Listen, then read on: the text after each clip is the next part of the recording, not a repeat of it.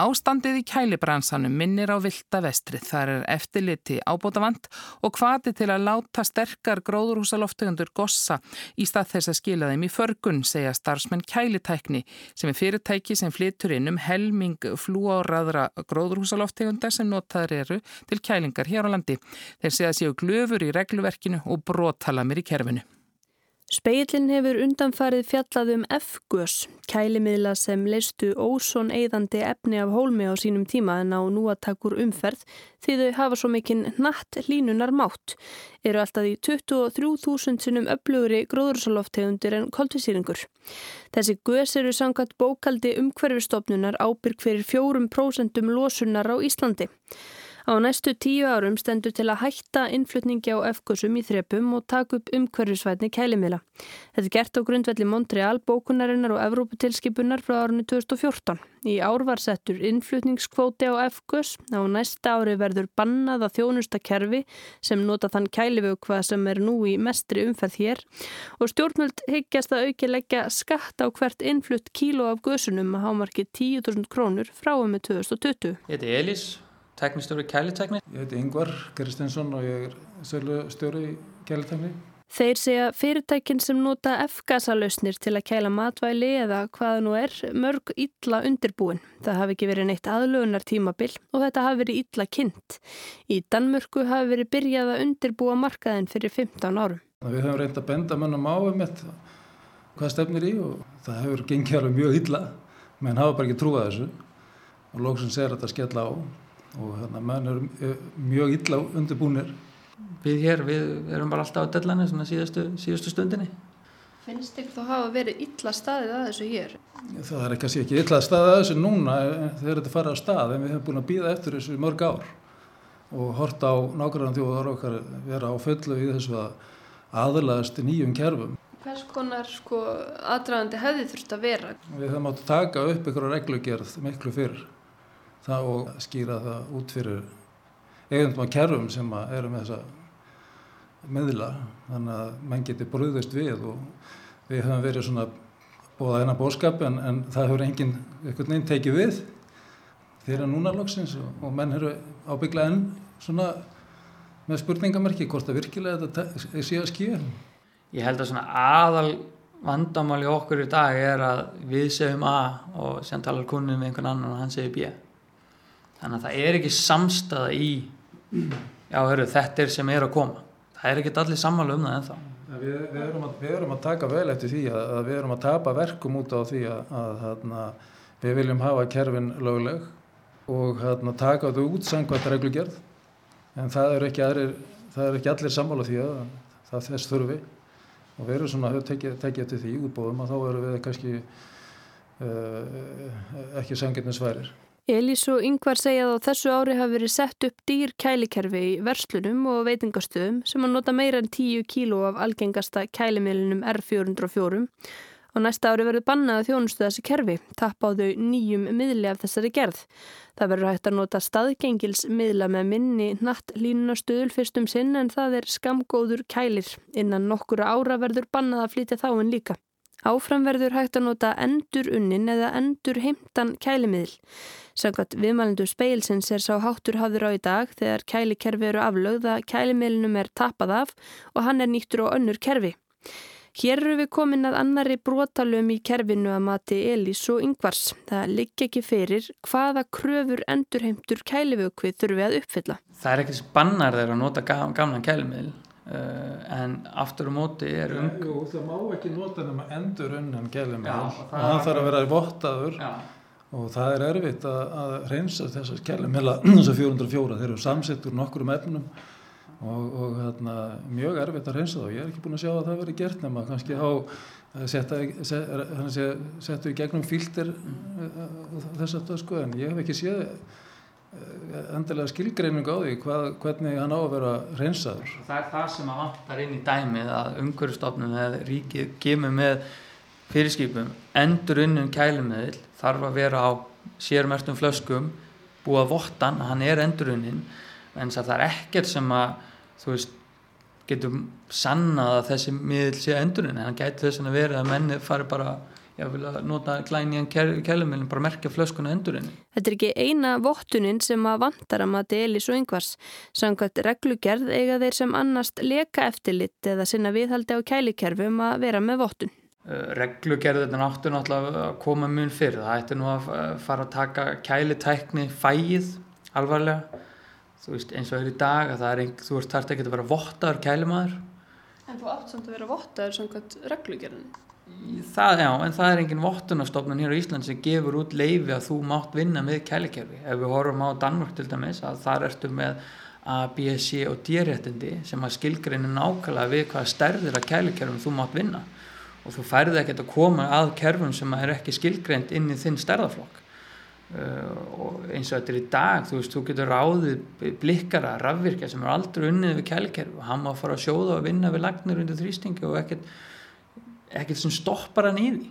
Og þetta er náttúrulega skrifin sem átt að taka strax að byrja að undubúa markaðin, að byrja að undubúa uppsninningar, að byrja að undubúa að menn eru vottaðir í hennar bransa. Elís lærði í Danmörku þar sem regluverkið er með því strángasta sem gerist í Evrópu. Hér er ekki hægt að læra kælitækni og þeir eru því fáir kælitækni fræðingarnir. Hann myndi vilja sjá breytingar á þessu.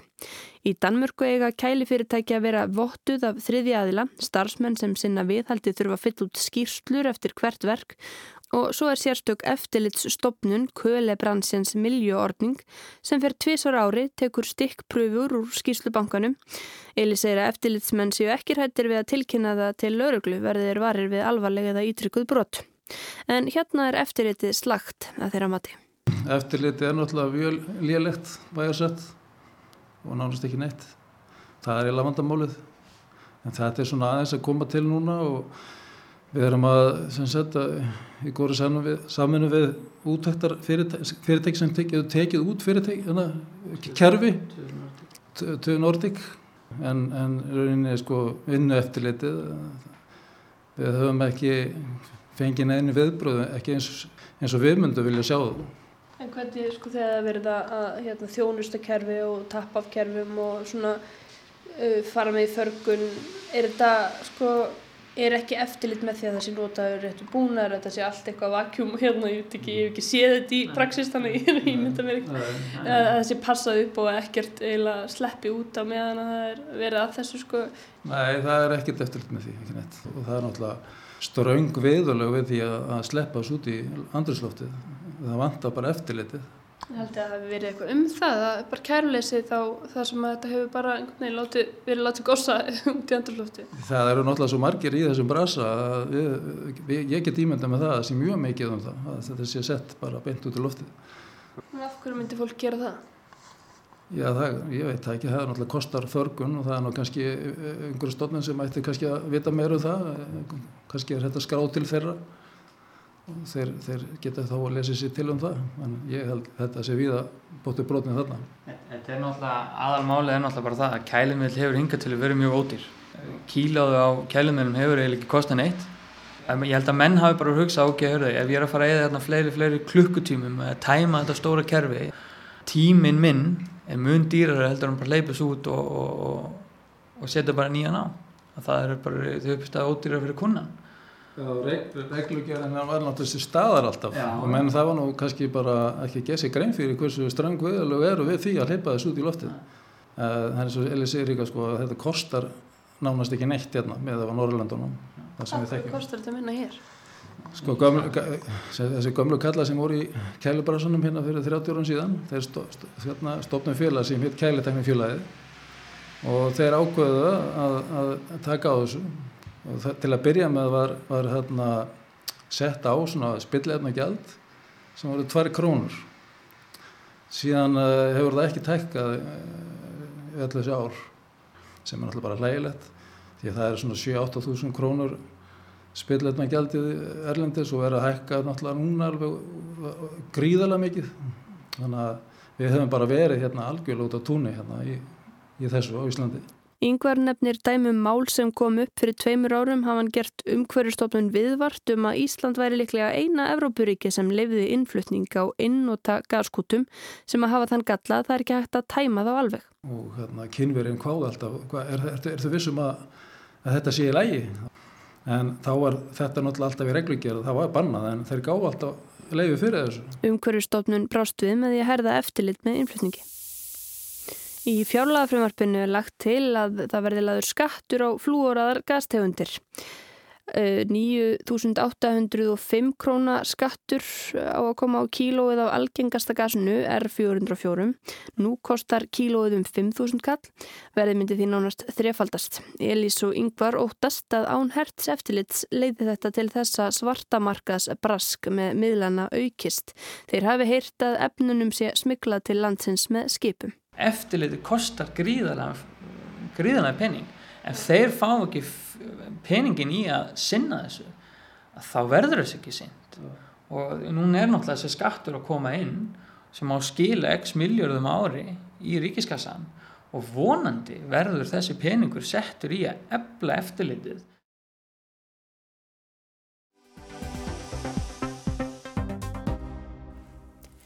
Lauruglu yfirvöld í Svítjóð hafa líst yfir sérstöku viðbúnar ástand á landsvísu vegna tíðra og alvarlegra ótaðisverka glæpasamtaka í suðurluta landsins. Undarfarna mánuði hafa týjir sprengjutilræð átt sér staði Malmu og þar verið framinn afar kaldrefið morð. Kári Gilvarsson, fréttarittari speilsins í Svítjóð, fyldist með bladamannafundi sænsku lauruglunar í morgun og er á línunu frá Gautaborg. Kári, hversu alvarlegt er ástandið? Ég held ég verið að segja bara að það sé bísna alvarlegt. Þetta er mjög harður og óbelsfullur heimur. Það við núna á síðustu fjóra, fjórum árum næstum 200 skótara sér í Malmö í borg sem er með álíka marga íbúa og er á Íslandi og, og 31 hefur látið lífið í svona skótarasum. Og svo er það sem hefur líka verið að gerast meira á, á þessu ári er að það er að fjölga sprengju árásum. Það hafi verið gerðar, gerð yfir 100 sprengjutilræði hérna í Svíkjóð uh, á þessu ári. Til dæmis eitt stórt tilræði sem að skók bara heila íbúðablokk og, og þá náttúrulega upplifir fólk sig mjög óruft. Uh, þótt ábeldi sé auðvitað fyrst og fremst innan uh, og á milli glæpahópana. Ég, ég náttúrulega verð ekki mikið farfið þetta eitthvað, eitthvað svoleiðis en, en það er samt afar viðbjörnslegt, getur maður sagt. Og svo er líka svolítið ókvæmlegt við þetta að menn þeir eru að spjóta til að drepa. Það er nótast í leigumorðingja, það verður að hóta vittnum, hóta fjölskyldumæðlimum og, og almenningi af þessum glæpasamtökum. Og svo er líka mjög oft mjög ungt fólk sem er í þessum glæpum, bæði óbeldismenninir og þeir sem að verður að ráðast á eins og við sáum núna um helgina. Já, hva, hvað var það eiginlega sem gerðist um helgina og má búast því að þetta verði einhver svona vatna skil eða einhver vendipunktur hann núna?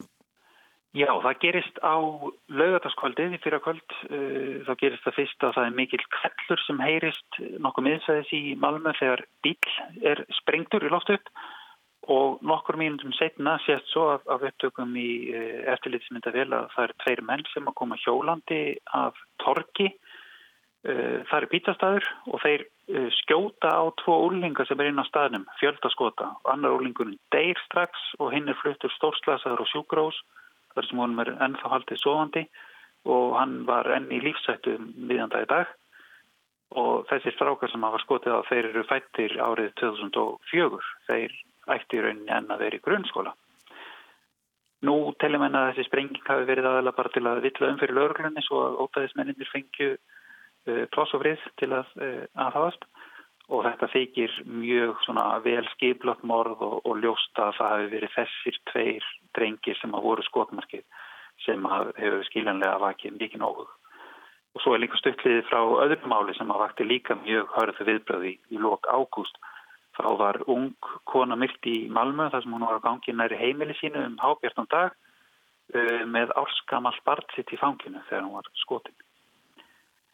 Ég veit svo sem ekki hvort þetta er einhver vendipunktur, þetta er ekki fyrstu ódæðin hérna síðjóð sem eru svona viðstíkilega en, en fólki ofbýður auðvitað.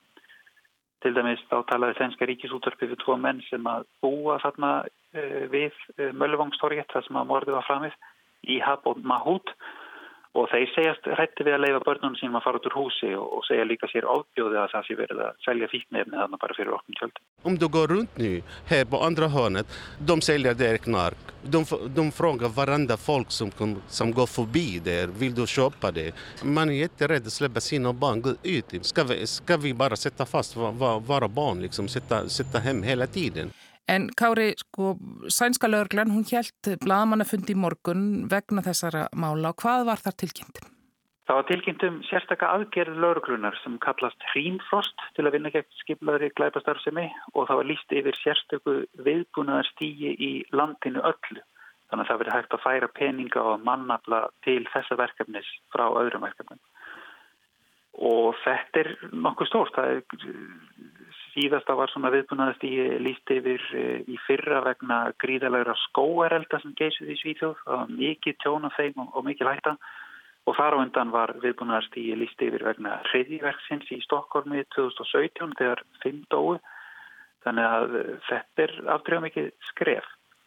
Uh, en að því að framkoma á bladmannafundinum í morgun þá ætla menn núna að beina sjónum sérstaklega að fíknirna sölunni því að eins og lengi hefur verið vita þá snýst þetta ofbeldi þessar skotar á sig og, og sprengjutilræði þau snúast mikið um baráttuna um þessa gróðavænlegu starfsemi aðalega kannabisölu og lögurinn lagði áherslu á það líka á bladmannafundinum að e, það eigi ekki að þykja eðlilegt að kaupa hass eða kannabis og það er gert víða fyrir ofnum tjöldum í, í Malmö í dag. Og svo er þetta líka að leggja meira í að rannsaka brot og, og svo líka að herða öryggisráðstafanir við löguruglustöðar. Það er óttast menn eitthvað núna þegar ráðstöður í herta aðgerðir. Svo á líka að flytja lögurglustjórun í Malmö, Stefan Sintéus, til í starfi og hann á að hafa svona yfirumsjón með aðgerðum gegn glæpakengum í Suður Svíþjóð og fá til sín fjölda lögurglumanna annar staðar af. Uh, og hann sagðist uh, á bladamannafundinum að telja að staðan í Malmö sé mjög alvarleg. Það gangi menn lausi sem séu færir um að fremja ofböldisverk og lögurglann sé vissilega að vinna í málum og, og telli sér að góða stjórn á stöðinni. Jáfnveg þótt að það sem að gerðist um helgin hafi gerst. Vi, vi beskriver som så att läget är väldigt allvarligt eh, men under kontroll. Det finns fortfarande personer ute som har hög våldskapacitet som vi eh, jobbar eh, med på kort och på lång sikt. Att allmänheten känner sig otrygg har vi full förståelse för men eh, vi anser att vi har god kontroll även om det som har hänt har hänt här nu. En Kári, hvað tekur svo við og hver eru bara framtíðar horfurnar? Þetta eru Þannig verður að tala um mjög unga glæpamenn en líka mjög harsfýraða og vittnum hefur verið ógnað, um, leigumorðingjar fram með morð og, og svona. Er lögreglan vangum að mið eitthvað í baróttunum við gengin? Já, því miður þá er það svo að það gengur mjög illa að rannsaka morðin og, og koma lögum yfir óbilsmenn og það hefur gengið, gengið verð núna en það gerði fyrir bara nokkrum árum. Fyrir nokkrum árum þá var svona um, um þriðjungur af morðum upplýst. Það er því að þessum skotarósum sem tengjast glæpagengum En núna síðustu fjögur ár hefur þetta bara verið um 11% þessara mála sem hefur tekist að, að upplýsa. Og það ekki menn meðal annars til þess að það sé verið að ráða leigumorðingja sem að það var þá engin tengsl við þann sem er mittur og, og þá er ennþá erfiðar að upplýsa þetta. Og svo er líka vaksandi vandamál hér í Svíþjóð virðist vera að það er mjög erfitt að fá fólk til að vitna af ótt af við hend og það er svona þetta sem að stjórnmálmenn hafa verið að ræða síðustu mánuði, hvernig hægt ég að breyta lögum þannig að lögurlan eigi betra með að rannsaka glæpi og glæpakengi. Svo er líka þeir sem að leggja áherslu á fyrirbyggjandi aðgerðir sem að fíkja hafa skilað góðum ánangri frátt fyrir það sem við sáum núna síðustu helgi.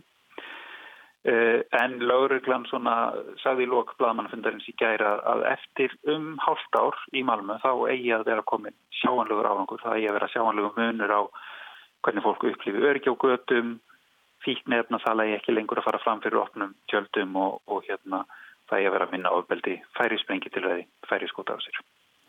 Takk fyrir þetta, Kári Gilvarsson.